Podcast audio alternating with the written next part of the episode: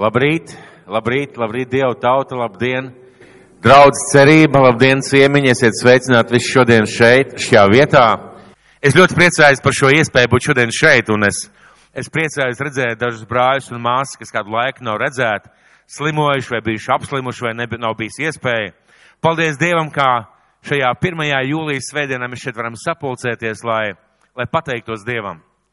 Un ziniet, ko es domāju, kad mēs šeit slavējam Dievu?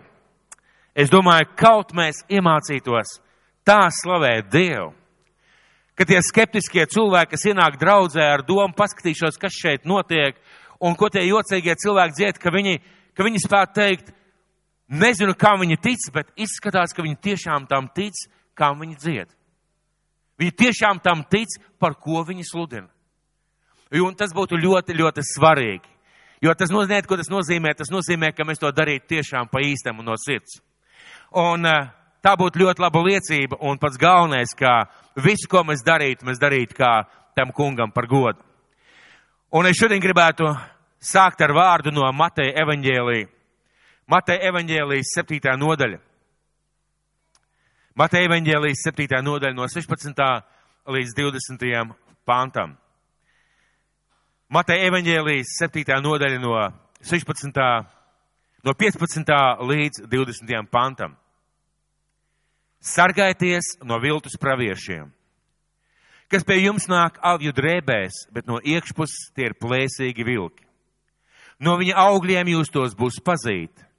Vai gan var lasīt vīna ogas no ērkšķiem vai vīģis no dažiem?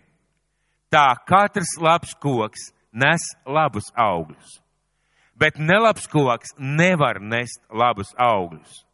Labs koks nevar nest nelabus augļus, bet nelāga koks nevar nest labus augļus. Katrs koks, kas nenes labus augļus, top nocirsts un iemests ugunī. Tāpēc no viņa augļiem jums tos būs pazīt. Un vārds, ar kuru šodien gribētu dalīties, ir apstāties, lai izmainītos. Apstāties, lai izmainītos. Pāris dievkalpojums atpakaļ. Es dalījos ar vārdu, ko darīt pie jēzus kājām, vai visu nosaka slāpes. Es ceru, ka kādi cilvēki to ir dzirdējuši. Es ceru, ka mēs mājas grupās pārunājām. Es ceru, ka tie, kas tajā dievkalpojumā nebija, noklausījās mājaslapā, mūsu ierakstos arhīvā. Tātad vārds bija, ko darīt pie jēzus kājām, ja visu nosaka slāpes. Un tas bija vārds par to, ka mums lūkšana istabā ir jābūt mērķim. Ka tad, kad mēs nākam pie Dieva, lasīt Bībeli, lai lūgt, mēs nākam, ka mums, mūsu lūkšana istabā ir jābūt mērķim. Un uh, mēs varam iet lūkšana istabā, lasīt un lūgt Dievu un, lūgt, un lasīt Bībeli vienkārši tāpēc, ka ir jālasa un tāpēc, ka ir jālūdz. Un pat ne tāpēc, ka mācītājs teica, vai konfesija liek, vai, vai tāda kristīga iekšējā laba sajūta, bet tāpēc, ka mēs jūtamies, ka to vajag darīt. Un ļoti bieži vien daudz cilvēku tā dara, un dzīve gadiem neizmainās. Jo mērķis ir lasīšana un lūkšana, un cilvēki šo mērķi sasniedz un jūtās apmierināti un jūtās gandrīt. Es nerunāju par to, ka mums nevajag nākt lūkšana istabā, lai mēs lūgtu par vajadzībām. Vajag. Jo, es pats teicu, metiet visas savas vajadzības, ja viss zudīšanās uz mani. Mēs runājām par to, ka lūkšana istabā ir jābūt mērķim. Tajā laikā, ko tu sauc par savu personīgo laiku ar Dievu, ir jābūt mērķim. Kāpēc tu to dari? Ko tu no šī laika vēlies dabūt? Ko tu no šī laika vēlies saņemt? Un ja mēs ejam tikai, lai lasītu un lūgtu, mēs mērķi sasniedzam, ja tas ir mērķis. Bet Dievvvārds saka, Bībele saka, ka mums caur lasīšanu un caur lūkšanu pie Kristus kājām, mēs runājam toreiz par Mariju, mums ir jāiepazīst Dievs un jāizmainās. Mums ir jāiepazīst, kāds Dievs ir un kas Viņš ir un jāizmainās jāiepazīst, kāda mēs esam un jāizmainās. Tātad mūsu mērķis lūkšanā istabā ir iepazīt Dievu, kāds viņš ir un kas viņš ir un izmainītos personīgi. Es lasīju par šo koku. Patiesībā šai vieta ļoti labi pasaka, jūs varat būt skaisti izskatīties no ārpus, būt labā draudzē, lieliski ģērbties, skaisti gudri runāt, bet ja tu neesi, nenes labus augļus, tu neesi labs koks. Bet kā tad koks var nest labus augļus? Daudz mums teiks, Jā, nu, ko tu stāsti? Protams, caur Kristu. protams, bet kā? Kādā veidā mēs ar Kristu varam nest labus augļus? Tāpēc šodien es gribētu runāt par to, ko lasīt Bībelē, jeb savā lūkšana istabā. Par ko lasīt Bībeli savā lūkšana istabā. Un vārds ir, kā jau es minēju, apstāties, lai izmainītos. Jo runa būs par to, ka mēs nevis vienkārši lasam, bet ka mēs iedziļināmies vārdā, ka mēs pētam šo vārdu, ka mēs meklējam šo vārdu un ka mēs izmainamies šī vārda līdzībā. Un uh, esmu runājis daudzkārt par šīm tēmām. Un es saprotu, ka atkal un atkal un atkal ir jārunā. Sakiet, cik bieži, kad jūs dodaties kaut kādā pārgājienā, ir jāskatās kompasā? Vai pietiek, ka tu izkāp ārā no mašīnas, paskatījies, paņēmi pareizo virzienu, apmēram tā uz tām priedēm un tā arī aizgāja? Vai ar to pietiek? Nepietiek. Mums kompasā ir jāskatās nepārtraukt, jāsalīdzina, un Dieva vārds, Bībele, ir kompass. Un šī tēma par to, ka mums ir jāiemācās pazīt un meklēt Dievu, tā ir tēma, kas ir nepārtraukti jāatgriežas, jāatgriežas un jāatgriežas pie šīs tēmas. Un manuprāt, šodien es gribētu runāt par to, ka, manuprāt, ir trīs galvenās tēmas, par ko vajadzētu lasīt un par ko vajadzētu, uh, un par ko runā Bībele. Trīs galvenās tēmas. Noteikti kāds man nepiekritīs, un uh, es domāju, ka neapšaubām dažādi var skatīties uz šīm lietām. Manuprāt, tās ir trīs galvenās tēmas. Un ja man pajautātu, Jāni, ja tu varētu fiziski apsēsties pie Kristus kājām, Ja tu varētu tāpat kā Marija apsēsties un klausīties viņa vārdos, ko tu gribētu caur viņa vārdiem uzzināt? Svētības, eh, garīgās pasaules noslēpumus, atklāsmi dziļumus. Es personīgi teiktu tā, es vēlos iepazīt Kristu. Es vēlos saprast Dievu un es vēlos saprast, kas ir manā dzīvē saistībās ar viņu, saistībā ar viņu. Un manuprāt, tās ir trīs galvenās tēmas, par ko vajadzētu lasīt un par ko runā Bībele. Pirmām kārtām tēma par Dievu. Tēma par Dievu. Par to, kāds viņš ir un kas viņš ir.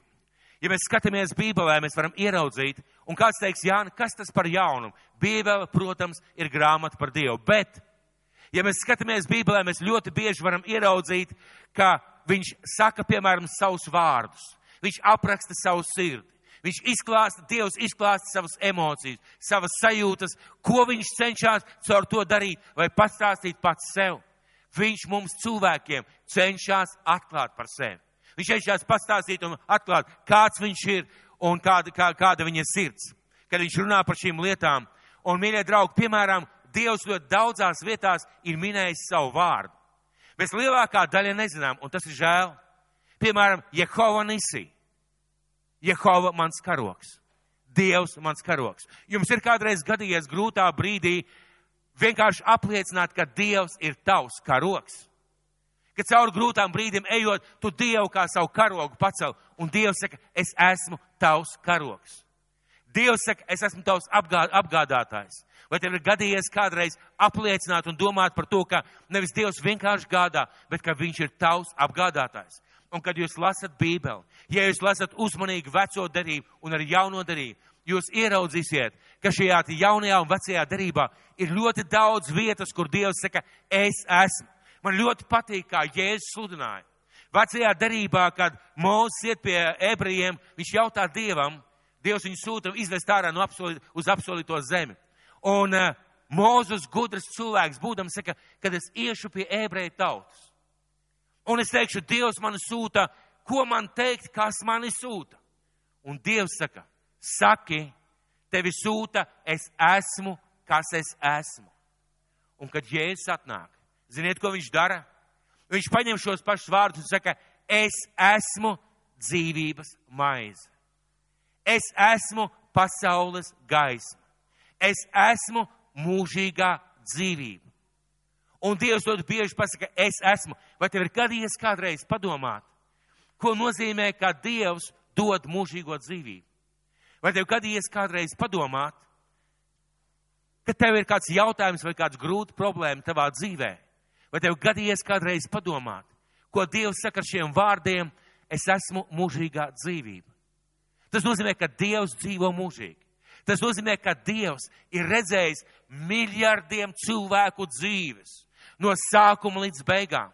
Viņš ir redzējis, kā cilvēki ceļās, kā viņi aug, kā viņi izglītojās, kā viņi pieļauj savus kļūdas, kā viņi kļūdās, varbūt kā viņiem izdodas, un Dievam ir padoms katrā situācijā. Dievam ir padoms katrā situācijā. Tas nozīmē, ka Bībele ir grāmata par to, kāds ir Dievs. Otrā tēma, par, kas, par ko rakstīts Bībelē, par mūsu attiecībām. Par mūsu attiecībām ar, par mūsu, ar mūsu debesu tēvu. Par to, kādas var būt šīs attiecības. Par to, kā tuvoties Dievam. Par to, kā viņas izveidojās un par to, cik sliktas viņas var būt. Un caur to mēs ieraugam sevi. Un trešā lieta par mums pašiem. Bībele ir grāmata arī par mums pašiem. Vārds ir spogulis. Piemēram, kā cilvēks saka, nāk uz dievkalpojumu, saka, es ļoti mīlu Dievu. Un sirdī ir rūkums pret cilvēku. Un Bībelē saka, paskaties spogulī, un tu redzēsi savas attiecības ar Dievu. Ja tavā sirdī ir rūkums pret cilvēku, tādas ir tavas attiecības ar Dievu. Ja tu vari runāt ļaunu par kādu cilvēku, tā tu patiesībā runā par savu tēvu bērnu. Tas nozīmē, ka vārds, kad mēs lasām Bībeli, mums ir jāmēģina ieraudzīt un saprast, ko Dievs saka par mani. Un Bībele ir par ikvienu cilvēku, par ikvienu. Kāpēc? Pirmām kārtām Bībele ir jālasa par Dievu. Tāpēc, ka tā ir grāmata, atklāsme par Dievu. Ja paņemtu Dievu projām no Bībeles, iedomāsimies šo grāmatu. Šo grāmatu, caur kuru ir mainījušies miljardiem cilvēku dzīves un ir mainījusies pasaule. Paņemiet projām no turienes Dievu. Paliek Dāvids, paliek Goliāts, paliek uh, apsolītā zeme, paliek kanāna tautas, paliek viss kaut kas, dieva tikai nav. Šī grāmata pilnībā zaudē nozīmi. Paņemiet projām mūzu, paņemiet Dāvidu, kāds cits cilvēks būtu viņa vietā. Ja paņem projām Dievu, šī grāmata pilnībā zaudē nozīmi. Tas nozīmē, ka Bībele ir jālasa par Dievu. Tā ir grāmata par Dievu. Otrām kārtām, kas ir visbiežāk lietotais vārds Bībelē? Es kādreiz uzdevu vārdu, jums šādu jautājumu, atcerieties? Visbiežāk lietotais vārds Bībelē - Dievs. Viņš, tas kungs, visu svētais, visu varenais, visu redzošais. Visbiežāk lietotais vārds dažādos locījumos ir Dievs. Tas nozīmē, ka Dievs ir galvenais Bībelē. Tas nozīmē, ka es Bībeli lasu, man Bībele ir jālasa par to, kas ir Dievs un kāds ir Dievs. Vēl kāda lieta. Tāpēc, ka Dievs pats saka, ka galvenais, kas mums ir jāiepa, jādara, ir jā, jāiepazīst Viņš. Kāds Viņš ir un kas Viņš ir. Un kā mēs varam iepazīt Dievu? Tad, kad mēs lasām par Viņu. Ziniet, jūs varat lasīt, un es varu lasīt līdz apnikumam par ieba ciešanām pārdzīvot, kāpēc viņam tik grūti gāja, diskutēt ar Dievu un ar cilvēkiem, kāpēc viņš teica tā, kāpēc tā, kāpēc draugi kļūdījās, kāpēc draugi nekļūdījās. Bet ziniet, kas ir? Ziniet, kas ir ļoti svarīgi, ir, kad mēs saprotam, kad mēs saprotam, ko Dievs caur to darīja, kad mēs ieraugam, kādā veidā Dievs un pats galvenais, ka caur visām šīm lietām, ko piedzīvoja Ijabs, šis cilvēks beigās pasaka vārdus, kas ir ārkārtīgi svarīgi priekš mums, viņa bērniem. Līdz šim es tikai par tevi biju dzirdējis. Ījap, līdz šim tikai tu par Dievu biji dzirdējis.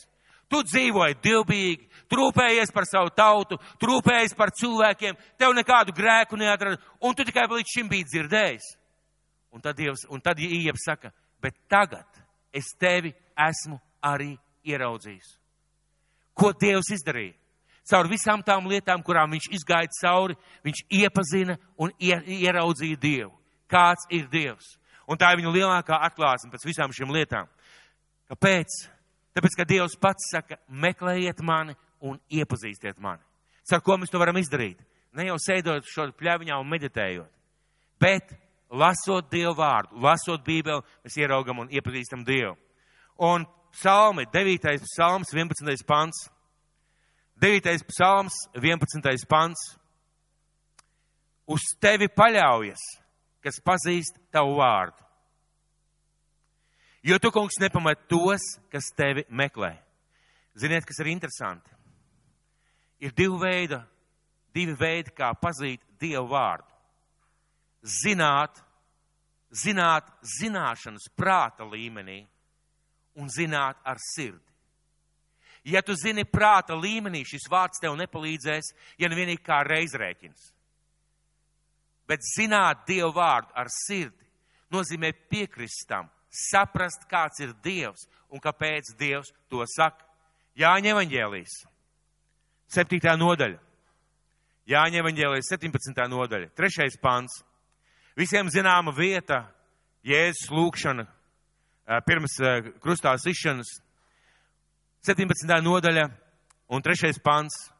Bet šī ir mūžīgā dzīvība, ka viņi pazīst tevi, vienīgo patieso Dievu un to, ko tu esi sūtījis Jēzu Kristu. Redziet, cik interesanti. Viņš nesaka, tā ir mūžīgā dzīvība, zināt baušļus, saprast atklāsmes, sapņot sapņus. Viņš nesaka, ka tā ir mūžīgā dzīvība. Viņš saka, ka mūžīgā dzīvība ir pazīt Dievu un to, ko Viņš ir sūtījis. Viņa dēlu Jēzu Kristu. Tas nozīmē, ka tas ir viss, kas tev zināmā mērā ir vajadzīgs. Ko Jēzus pats par sevi saka? Mēs parasti sakām, ka Jēzus ir mūsu, mūsu kā, Jēzus ir mūsu kā piemērs, paraugs, kam esam aicināti līdzināties. Un Jāņem Evanģēlijas 10. nodaļa, 15. pants. Jāņem Evanģēlijas 10. nodaļa, 15. pants. Itin kā tēvs pazīst mani, es pazīstu tēvu. Skatieties, ko Jēzus apgalvoja. Galvenais arguments. Itin kā es pazīstu tēvu, tā tēvs pazīst mani. Ja Jēzus ir mans skolotājs, ja Jēzus ir man, mana galva, ja Jēzus ir tas, kuram man ir jāseko, un tad es nekļūdīšos, ja Jēzus pazina tēvu, tas nozīmē, ka man, Dievu bērnam, caur Dievu vārdu ir jāiepazīst, kāds ir tēvs un kāds ir Jēzus. Un turpat 7. nodaļa, 29. pāns. 7. nodaļa, 29. pāns. Bet es viņu pazīstu, jo no viņa es nāku, un viņš mani sūtīs. Bet es viņu pazīstu, jo no viņa es nāku, un viņš mani sūtīs. Ļoti spēcīgs apgalvojums. Un es teiktu, protams, Jēzu. Nu kāda problēma? Protams, ka tu pazīsti tēvu, jo tu taču no tēva nāc. Kur tad mums cilvēkiem? Bet kā paliek ar tiem vārdiem? Māceklim pietiek, ka viņš ir kā viņas, kā, ka māceklis ir kā viņas skolotājs. Ko Jēzus ar šiem vārdiem pasaka? Viņš saka, jūs varat pazīt tēvu. Jūs varat pazīt tēvu tā, kā jums ir jāpazīst. Tas nozīmē, ka es varu iepazīt Dievu, ja es pielieku pulsi, ja es saprotu, par ko man jālasa, par ko man jāmeklē, es varu pazīt Dievu. Mēs ļoti bieži šos jēzus vārdus pieņemam kā pašu par sevi saprotam, bet atcerēsimies, ka jēzus tērē, ka tēvs tērē 30 gadus no Jēzus dzīves, lai Jēzus iepazītu tēvu un lai nostātos uz savus kalpošanas ceļu. 30 gadus. 12 gados mēs lasām, ka viņš, viņam bija pārsteidzoša gudrība. Un jūs ziniet, ka, ka 30, 12 gados, 30 gados viņš sāk savu kalpošanu ar ūdens kristībām un 40 dienas pavadu tuksnesī. Kā jums liekas, ja jūs 40 dienas pavadītu ar savu dabas tēvu?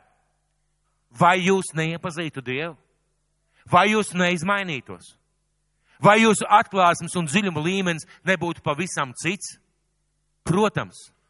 Un kāpēc Jēzus pavadīja? Viņš gatavojās kalpošanai, bet viņš iepazina savu tēvu šajā laikā. Tātad pirmām kārtām, lai mēs, pirmām kārtām tāpēc, ka mums ir jāiepazīst Dievs. Otrām kārtām tāpēc, ka visi notikumi, viss, kas Bībelē rakstīts, ne tāpēc, lai mēs redzētu, kā rīkojās Dāvids, vai kā rīkojās Mūzus, vai kā rīkojās Ēlija, vai kā rīkojās Jāzeps, bet lai caur visiem šiem notikumiem ieraudzītu, kā rīkojās Dievs. Redziet, ka mēs skatāmies Bībelē, mēs ļoti bieži uh, koncentrējamies, fokusējamies uz Jāzepu, uz Mūzu, uz Timoteju, uz Pāvilu, uz Pēteri. Bet ziniet, kas ir svarīgi? Ir svarīgi iemācīties pakāpties atpakaļ un ieraudzīt to lielo bildi, ko Dievs darīja caur šiem vīriem. Ko Dievs darīja, jo Dievs caur viņiem darbojās. Jā, šie cilvēki kaut ko darīja, bet Dievs caur viņiem darbojās. un caur to ieraudzītu, ko Dievs darīja un kāpēc Dievs darīja. Ko tas nozīmē? Tas nozīmē, ka visi notikumi, kas ir Bībelē, viņi patiesībā norāda uz dabas tēvu. Viņi norāda uz to, kāds ir Dievs. Nevis tikai par to, kā Dāvids darīja, bet ko Dievs darīja caur Dāvidu dzīvi. Ko Dievs darīja caur Dāvidu dzīvi. Kā Dievs sevi atklāja caur Dāvida dzīvi. Ja jums šodien pajautātu, vienkārši jautājums, ko jūs teiktu par Dievu caur Dāvida dzīvi? Dažiem miekli būtu jāpadomā. Bet es domāju, ka mēs visi varētu pateikt, uzticams Dievs, žēlastības pilns Dievs, piedodošs Dievs, spēcīgs Dievs, svaidījuma Dievs. Ja mēs pajautātu, ja es jums šodien pajautātu, ko Dievs, ko mēs par Dievu varam uzzināt caur mūzus dzīvi. Jā, mēs zinām, ka Mozus izstiepa zīzli, viņš tur izdarīja to un to un tur čūskas, vārdus un viss kaut kas tam līdzīgs. Bet ko jūs teiktu par Dievu, skatoties uz Mozus dzīvi? Skatoties, kā Dievs kopā ar savu tautu iet uz apsolīto zemi. Jo, ziniet, uz apsolīto zemi gāja nevis tikai vienkārši cilvēki, gāja Dieva tēva sirds. Viņš gāja kopā ar viņiem, vai viņam bija jāizvēlās būt savas tautas vidū. Vai kāds pateica, mēs iesim uz turien tikai tad, ja tu būsi mūsu vidū, jā, Mūzes to pateica. Bet ziniet, ka viņš pateica pēc, tikai pēc tam, kad Dievs teica, es neiešu ar jums. Ko tas nozīmē? Ja es domātu par, par Dievu caur Mūzes dzīvi, es domātu, ka viņš ir milzīgi piedodošs Dievs. Jūs ziniet, viņi kurnēja, viņi sacēlās, viņu sirds atgriezās, apso, atgriezās atpakaļ, bet es skatos un es redzu, ka Dievs izdarīt to, ko viņš vēlējās. Kaut vai priekš diviem un jaunās paudzes. Viņš ieveda savu tautu absolūtajā zemē, kaut gan tas prasīja 40 gadus. Un es saprotu, ka Dievs ir pacietīgs, ka Dievs ir mīlošs, ka Dievs ir varants, ka Dievs ir spēcīgs, un tādam Dievam mēs kalpojam. Tādu Dievu es šeit pielūdzu. Tādu Dievu es gribu iepazīt, un tādam Dievam es vēlos kalpot. Un kā ir ar Eliju? Vai jūs atceraties pravietu Eliju? Liels Dieva vīrs un Dievs pagodinās ar viņu dzīvi. Dievs pagodinās ar šiem trīs gadiem sausumu, pēc tam lietus. Dievs pagodinās ar šiem nokautiem bālu praviešiem. Un pēc tam Elija ir galīgi lupatās. Viņš ir zaudējis šo kāvu, viņš aiziet tuksnesī, un viņš saka, Dievs, nu viss cauri ar mani tāpat kā ar visiem maniem tēviem. Un ziniet, ko Dievs dara? Ziniet, ko Dievs dara? Viņš nenostājās pie Elijas, nesaka, ah, tu nekrietnais kalps. Tev vēl par maz, ka es tev tik daudz darīju. A, nu, kas saņemies, palasiet. Dievs viņu pamodina un pabaro. Dievs pamodina Eliju un pabaro. Ko tas nozīmē, ka Dievs ir līdzcietīgs. Viņš ir saprotošs. Viņš izprot mūsu kļūdas un vainas. Un ziniet, ko man tas pasaka? Es varu bez bailēm tādam Dievam tuvoties tāda Dieva klātbūtnē un tāda Dieva priekšā es varu kļūdīties. Un man nav sevi jāšaust un jāsit krustā. Jūs ziniet, ko Dievs? Dievs piedos. Dievs sapratīs. Dievs pārklās un Dievs pabaros. Pat tuksnesī pabaros. Un tas ir Dievs, ko mēs iepazīstam caur Ēlijas dzīvi. Tāpēc visi šie notikumi nav par Dāvidu, par Mūzu, par Ēliju. Šie visi notikumi ir par mūsu dabas tēvu. Mums ir jāiemācās paskatīties pa gabalu. Ziniet, kad mēs skatāmies Bībelē, piemēram, jūs paņemat Bībeli, vienkārši kā piemērs. Es skatos šobrīd Jāņa evaņģēlijas septītā nodaļa. Es skatos uz šo uzrakstu. Jāņa evaņģēlijas septītā nodaļa. Ticiet vai nē, es neredzu Bībeles malas. Es vienkārši Bībeles malas neredzu, jo es koncentrējos uz šo uzrakstu. Pārējais izplūst. Es domāju, jums pārējiem tāpat. Tieši tāpat mūsu dzīvē, kad mēs lasām par šiem varoņiem, mēs koncentrējamies šie varoņiem, bet to lielo bildi mēs neredzam. Bet lielā bilde ir Dievs. Caur visiem šiem notikumiem Dievs atklāja. Un mums ir jāiemācās paskatīties pa gabalu. Un caur visu to, kas rakstīts, mums ir jāiepazīst Viņš. Visos notikumos Dievs parāda, kāds Viņš ir. Un, eh, kad mēs skatāmies Bībelē, mēs redzam, ka tāpēc, ka šis cilvēks man pietuvojās, man uzticējās, uz mani paļāvās. Un tāpēc, ka es kā Dievs esmu uzticams, tāpēc viņa dzīvē izdevās. Mēs varam ieraudzīt, ka es kā cilvēks biju neusticams. Es kā cilvēks nekalpoju Dievam. Es kā cilvēks nostājos Dievam par ienaidnieku un es, es pats nostājos Dievam par pretinieku. Un tāpēc, ka es esmu svēts kā Dievs. Tāpēc, ka esmu taisnīgs. Tāpēc, ka kas nenāk pie manis, tas pazaudē savu dzīvību. Tāpēc tie cilvēki zaudē savu dzīvību. Un ziniet, ko man tas pasaka? Man tas pasaka, cik ļoti man vajag pazīt Dievu. Cik ļoti es vēlos viņu saprast. Cik ļoti es vēlos nevis vienkārši viņu mīlēt, bet izprast viņa sirdi. Jo tas palīdz man nostāties pareizās pozīcijās, pareizās stāvoklī, jo es viņu mīlu, viņš ir mans tēvs, un es vēlos viņu saprast un iepazīt. Mēs bieži lasām pantus. Ir panti, piemēram, par svētībām, par dziedināšanu, par uh, atbrīvošanu, par vēl kādām lietām. Ir bībeles tādi panti, kurus mēs bieži vien lietojam, un ir pat tādas grāmatiņas. Ja tev ir grūta situācija, izlasi šito pantu, šito psalmu, šito te, tam līdzīgi, un brīnišķīgi, ja mēs tā varam izlasīt. Bet ziniet, es jau kādreiz esmu to teicis, bībelē. Bībelē nav neviena panta par svētībām. Bībele nav likumu grāmata, garīgu likumu grāmata. Bībelē nav neviena vārda par atbrīvošanu vai par dziedināšanas pantu. Bībele ir par atbrīvotāju. Bībele ir par dziedinātāju. Bībele ir par svētītāju. Bībele ir par svētību devēju. Bībele ir par viņu. Un caur viņu viss notiek. Un caur viņu mēs varam iegūt dziedināšanu, svētību vispārējo.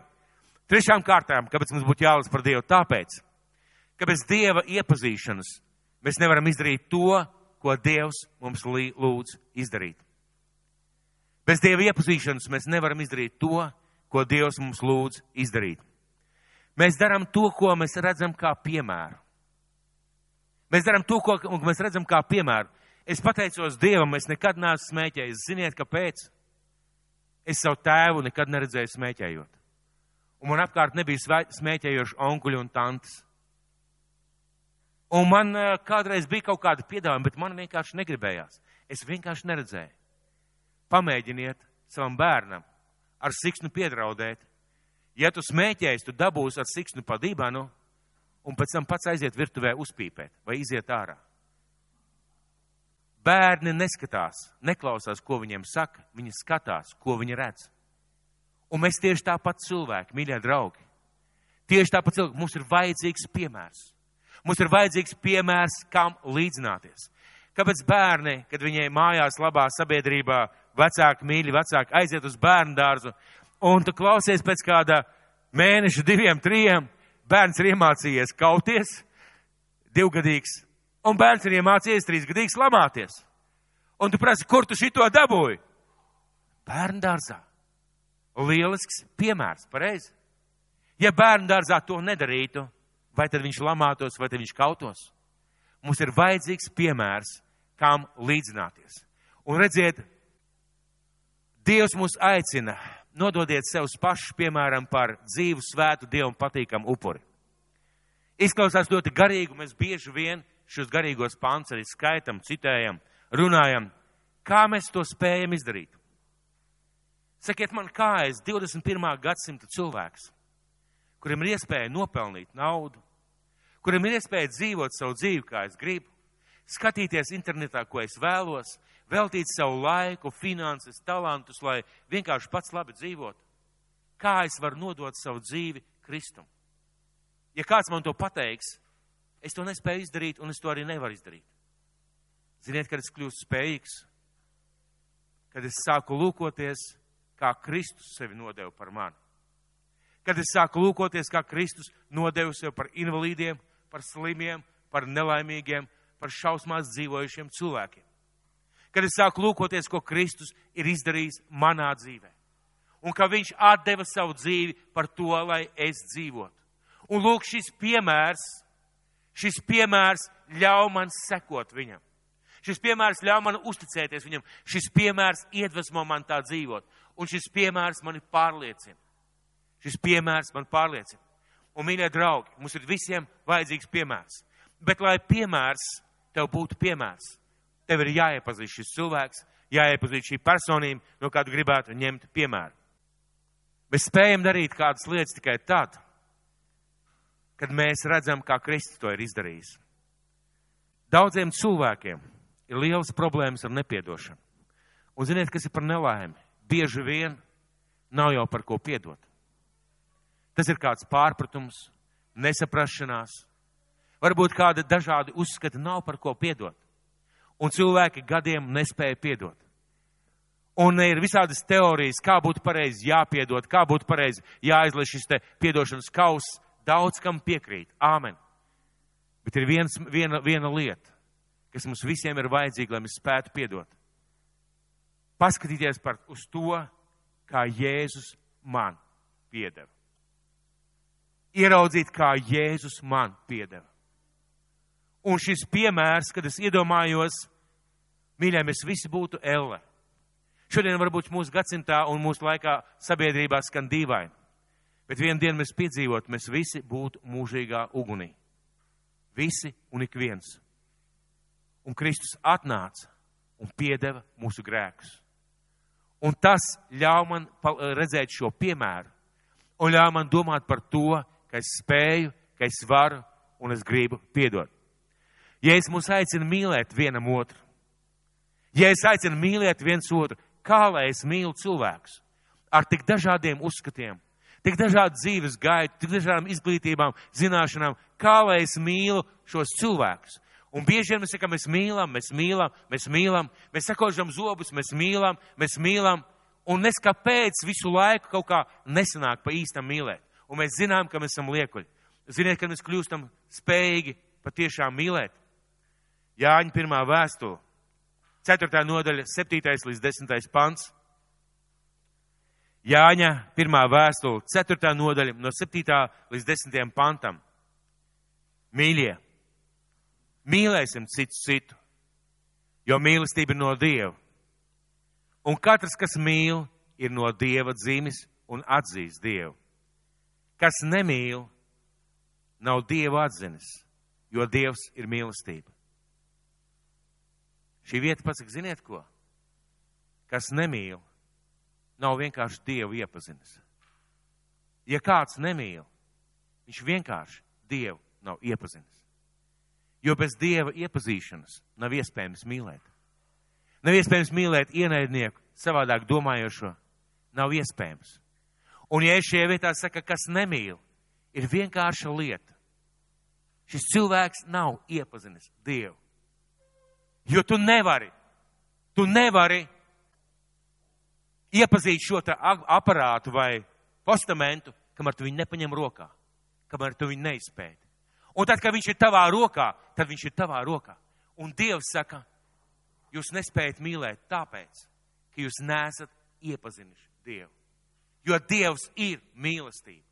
Tu nevari ielīst skurstenī nenosmērējoties. Ja tu ielien skurstenī, tu noteikti nosmērēsies. Un Dievs ir šāds mīlestības skurstenis. Kad tu ielien šajā mīlestības skurstenī Dievā, kad tu viņu iepazīsti, tu noteikti būsi piesūcies ar mīlestību. Un Dievs šajā vietā to ļoti skaidri pasaka. Un vēl viņš saka tā, redzama ir kļūst Dieva mīlestība mūsu starpā. Dievam savu vienpiedzimušo dēlu sūtot pasaulē, lai mēs dzīvotu caur viņu. Šī ir tā mīlestība, Nevis, ka mēs esam mīlējuši Dievu, bet ka Viņš mūs ir mīlējis un sūtījis savu dēlu mūsu grēku izpirkšanai. Mīļie, ja Dievs mūs tā ir mīlējis, tad arī mums pienākam citam citu mīlēt. Kā Dievs ir tevi mīlējis? Kā Dievs ir tevi mīlējis? Lūk, šis kā ir apstāšanās vērts. Lūk, šis kā ir tas, ka tu sāc saprast, kā Dievs tevi ir mīlējis. Un tu kļūsti spējīgs mīlēt citus cilvēkus. Neskatoties uz viņu vājībām, kļūdām un nepareizībām. Tātad kā Dievs ir mīlējis. Un tikai tad, piemēram, esiet uzticīgi. Esiet uzticīgi līdz galam. Esiet uzticīgi līdz galam Dievam. Esiet uzticīgi līdz galam cilvēkiem esiet uzticīgi līdz galam savai ģimenei, savai kalpošanai, esiet uzticīgi tam darbam, ko Dievs jums ir uzticējis. Es nesen dzirdēju vienu piemēru man palika mute vaļā. Es daudz ko esmu dzīvē, esmu redzējis, bet tas man tiešām šokēja. Tas man tiešām šokēja. Kāds mācītājs, tas ir Latvija, gadus piecus atpakaļ sākās jauna draudz. Mērķis, redzējums bija sākt draudzi kādā pilsētā latviešu valodā. Cilvēks saņēma atklāsmi, ka Dievs viņu aicina mācītājs svētī, viņš sāk kalpot, viss aug, viss plaukst, viss veidojās, pamazām stabilizējās, veidojot laba, stabila, dziļa draudz. Un ziniet, tad atnāca atklāsme, ka Anglijā var labi nopelnīt, un Anglijā ir daudz kristiešu, kurus taču arī vajag vadīt, kuriem taču arī ir vajadzīgs mācītājs. Un ziniet, kas notika? Šis cilvēks vienu dienu aizbrauc pie pie, pie, tiem, pie tiem cilvēkiem, kas viņus bija svētījuši kalpošanai, es saņēmu atklāsmi. Dievs man aicina uz Angliju. Kas paliks tavā vietā? Nezinu. Gan kāds brālis būs, gan Dievs svētīs. Es dodos, jo debes tēvs mani aicina. Tā nav tēva sirds. Un šajā vietā es pat nediskutēju, es pat nediskutētu ar to cilvēku, un arī šis uh, svētītājs, viņš nediskutēja pat ar šo cilvēku par to, kāda tev bija atklāsme, cik dziļa vai tev eņģeļi parādījās, vai tu redzēsi Anglijas karti, jo Dievs tā nedara. Dievs nekad neatstāja tukšu vietu. Viņš vienmēr savā vietā kādu sūta vai sagatavo. Un tad, kad mēs pamatām savas kalpošanas vai savu atbildību vienkārši kaut kāda untuma, sapņa, atklāsmes vai ideju vai vajadzību dēļ, mēs patiesībā parādāmies kā neusticami. Bet kā es varu būt uzticams? Kā es varu būt uzticams? Kad es skatos, cik ļoti Kristus man ir uzticams, cik ļoti viņš ir uzticams. Un es jums gribētu izlasīt no iesaistas grāmatas, 49. nodaļas. 13. 14. pants, Iesaist grāmata, 49. nodaļa, no 13. līdz 16. pantam. Gavilējiet debesis, priecājies zeme un līksmojiet jūs kalni, jo tas kungs ir iepriecinājis savu tautu un apžēlojies par nelaimīgiem. Bet Ciāna žēlojas. Tas kungs mani ir atstājis, tas kungs mani ir aizmirsis. Un lūk, Dievs atbild. Vai var māte aizmirst savu zīdaini un neapžēloties par savu miesīgu bērnu? Un ja pat māte to aizmirstu, es tevi neaizmirsīšu. Redzi, abu savu rokstu, roku plaukstās, es tevi esmu iezīmējis. Tavi mūri ir vienmēr manā priekšā. Manā dzīvē personīgi Un es zinu, ka daudz, daudz cilvēku dzīvēs ir bijuši jautājumi Dievs, kāpēc ir tādas problēmas? Dievs, kāpēc ir tik grūti, kāpēc tik sarežģīti, kāpēc tādas lietas nāk priekšā? Dievs, vai tu mani nedzirdi, vai tu mani neatbildi, vai tu mani neklausies? Un Dievs vienā reizē caur šo vietu man ļoti skaidri un saprotamā latviešu valodā atbildēja. Pat, ja māte tevi atstātu, es tevi nekad neatstāšu jo abu savu roku plaukstās.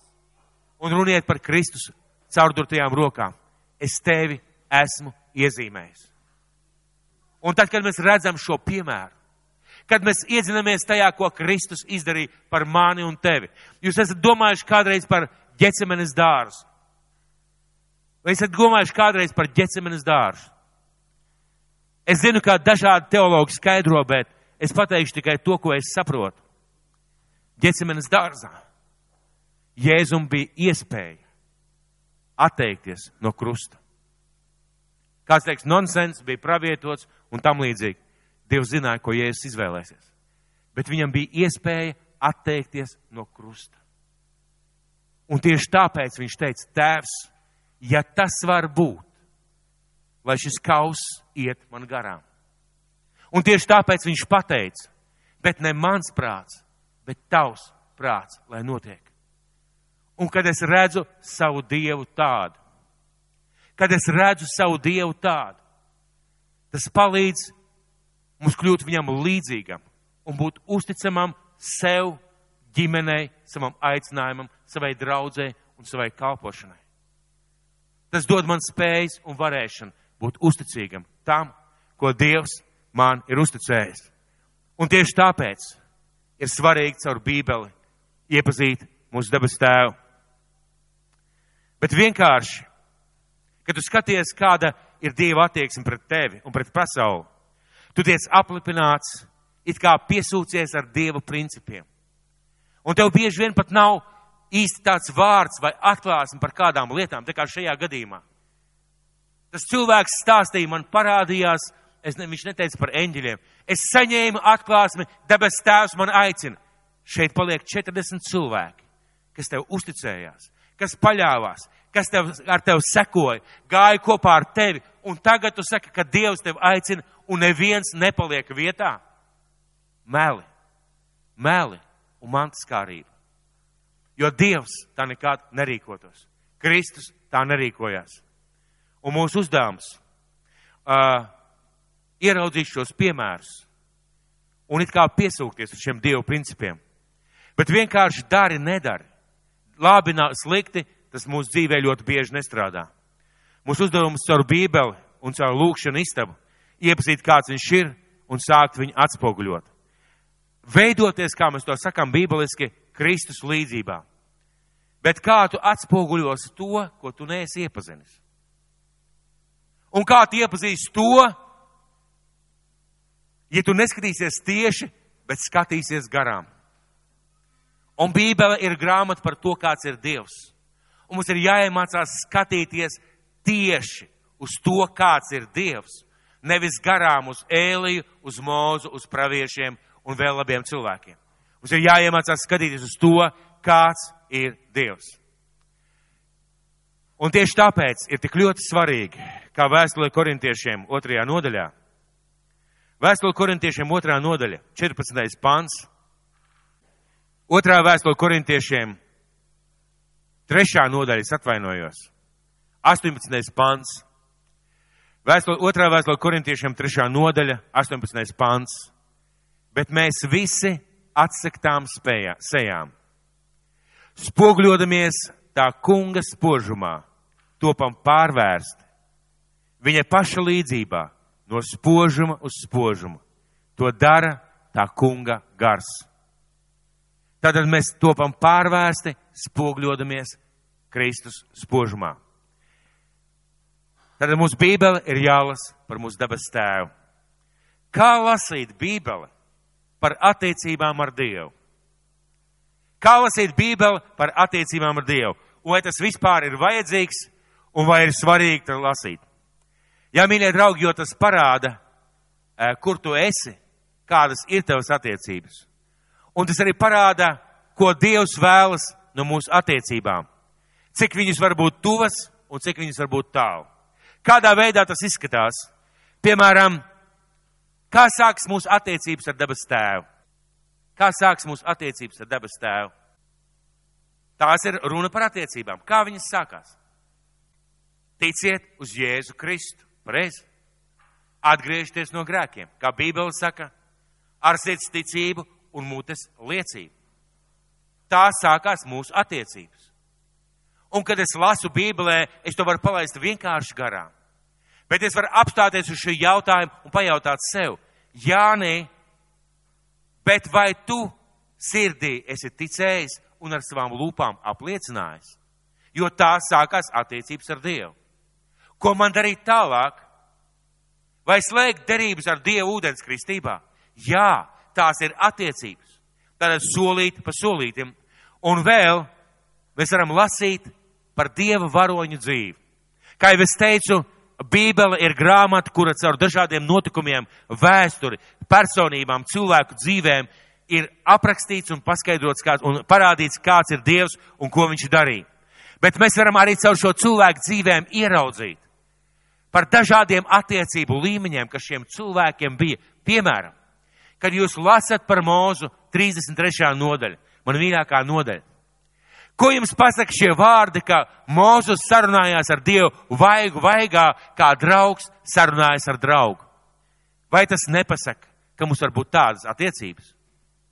Vai tas nepasaka, ka mums Dievu bērniem var būt tādas attiecības, ka svētais gars ar mums sarunājās, ka mēs skaidri to zinām un jūtam?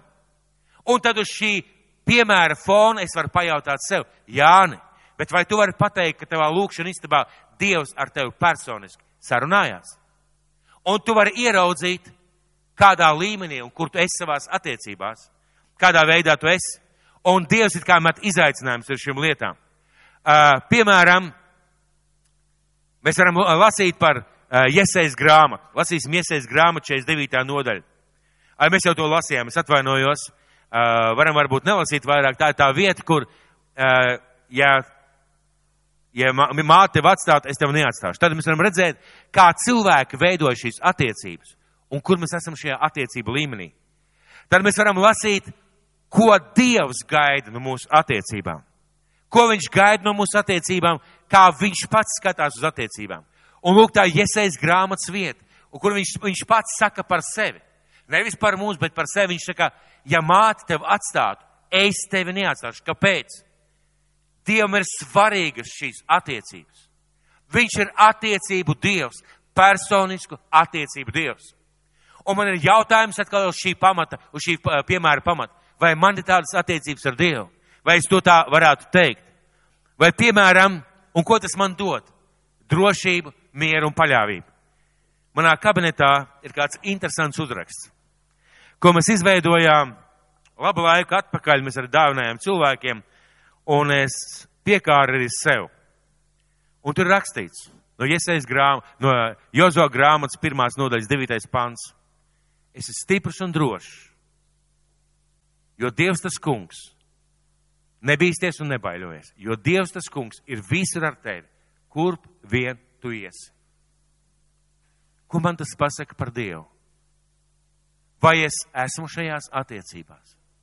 Vai es esmu tajā stāvoklī, ka Dievs tiešām ies ar mani? Vai es eju uz kaut kurieni, uz kurien Dievs mani grib vest? Vai es dzīvoju savu dzīvi? tad lūk, šī piemēra pamata es varu paskatīties, kādas ir manas attiecības un kādā veidā es varētu šīs attiecības mainīt. Cik bieži Dievs lieto kādu interesantu vārdu. Meklējiet manu vaigu. Es daudz kārt par to esmu minējis, bet atļaušos vēlreiz pateikt. Kad jūs lasat Bībeli, jūs latviešu Bībelē ieraudzīsiet vārdus, meklējiet manu vaigu. Ja jūs mani meklēsiet, jūs mani atradīsiet, ja jūs no viss sirds meklēsiet, un ļoti daudz ir runāts par Dieva vaiga meklēšanu. Ziniet, ko nozīmē šis vārds ebreju valodā meklēt? Dievu. Tas nozīmē pieprasīt, iedziļināties, iegremdēties, ieskatīties, dzīvot tajā, kristīties tajā. Dievs saka, es gribu tādas attiecības. Es vēlos tādas attiecības. Lai tu būtu tik tuvu man, ka tu būtu burtiski kristīts manī, jeb iegremdēts manī. Es gribu. Ko tas nozīmē? Tas nozīmē, ka lasot šos visus piemērus, es varu skatīties uz sevi, vai man ir tādas attiecības. Un lasot Bībeli, mums ir jālasa par to, kādas mums ir attiecības. Un mēs saprotam, ka Dievs ļoti vēlās. Un kad mēs lasām Bībeli no šie, šāda skatu punkta, kad mēs ar Dievu vārdu skatāmies un meklējam, kāds ir Dievs, lai viņu iepazītu, un kad mēs lasām no šāda skatu punkta par cilvēku dzīvēm, Eh, kalpošanām, darbiem priekš Dievu, no šī attiecību viedokļa mēs ieraugam, mēs iepazīstam Dievu un mēs ieraugam, kādas var būt attiecības mums ar Dievu un kādas mums vajadzētu būt šīm attiecībām. Mēs sākam viņam līdzināties. Un ziniet, tas mūs izmaina. Un mēs varam būt desmit gadus draudzē, zināt Bībeli no galvas. Daudz ko zināt, prasa diskutēt, un prasa runāt, un prasa spriest bet mums vajag apstāties, lai izmainītos. Un šī apstāšanās ir, kad tu sāc skatīties, kāds ir Dievs. Kad tu sāc skatīties, ko Dievs ir darījis cilvēku dzīvē un tavā dzīvē. Kad tu sāc viņu iepazīt, kāds viņš ir. Un kad tu sāc skatīties uz šo attiecību dziļumu, kāds tas ir iespējams. Tu sāc mainīties. Un neviens cilvēks Neviens cilvēks, kas izvēlās meklēt Dievu, kas izvēlās piedzīvot Dievu, kas izvēlās iepazīt Dievu, nespēja palikt vienkārši tāds pats. Ir viens piemērs. Un ziniet kāds? Nevienam nepatīk šis cilvēks un šis vārds jūdas. Bet ziniet, kur bija problēma? Es par to esmu kādreiz sludinājis. Jūdas tā arī līdz galam, esot ar Kristu, nenoticēja, ka Jēzus ir Dieva dēls. Viņš tā līdz galam arī nenoticēja, ka Jēzus ir Dieva dēls.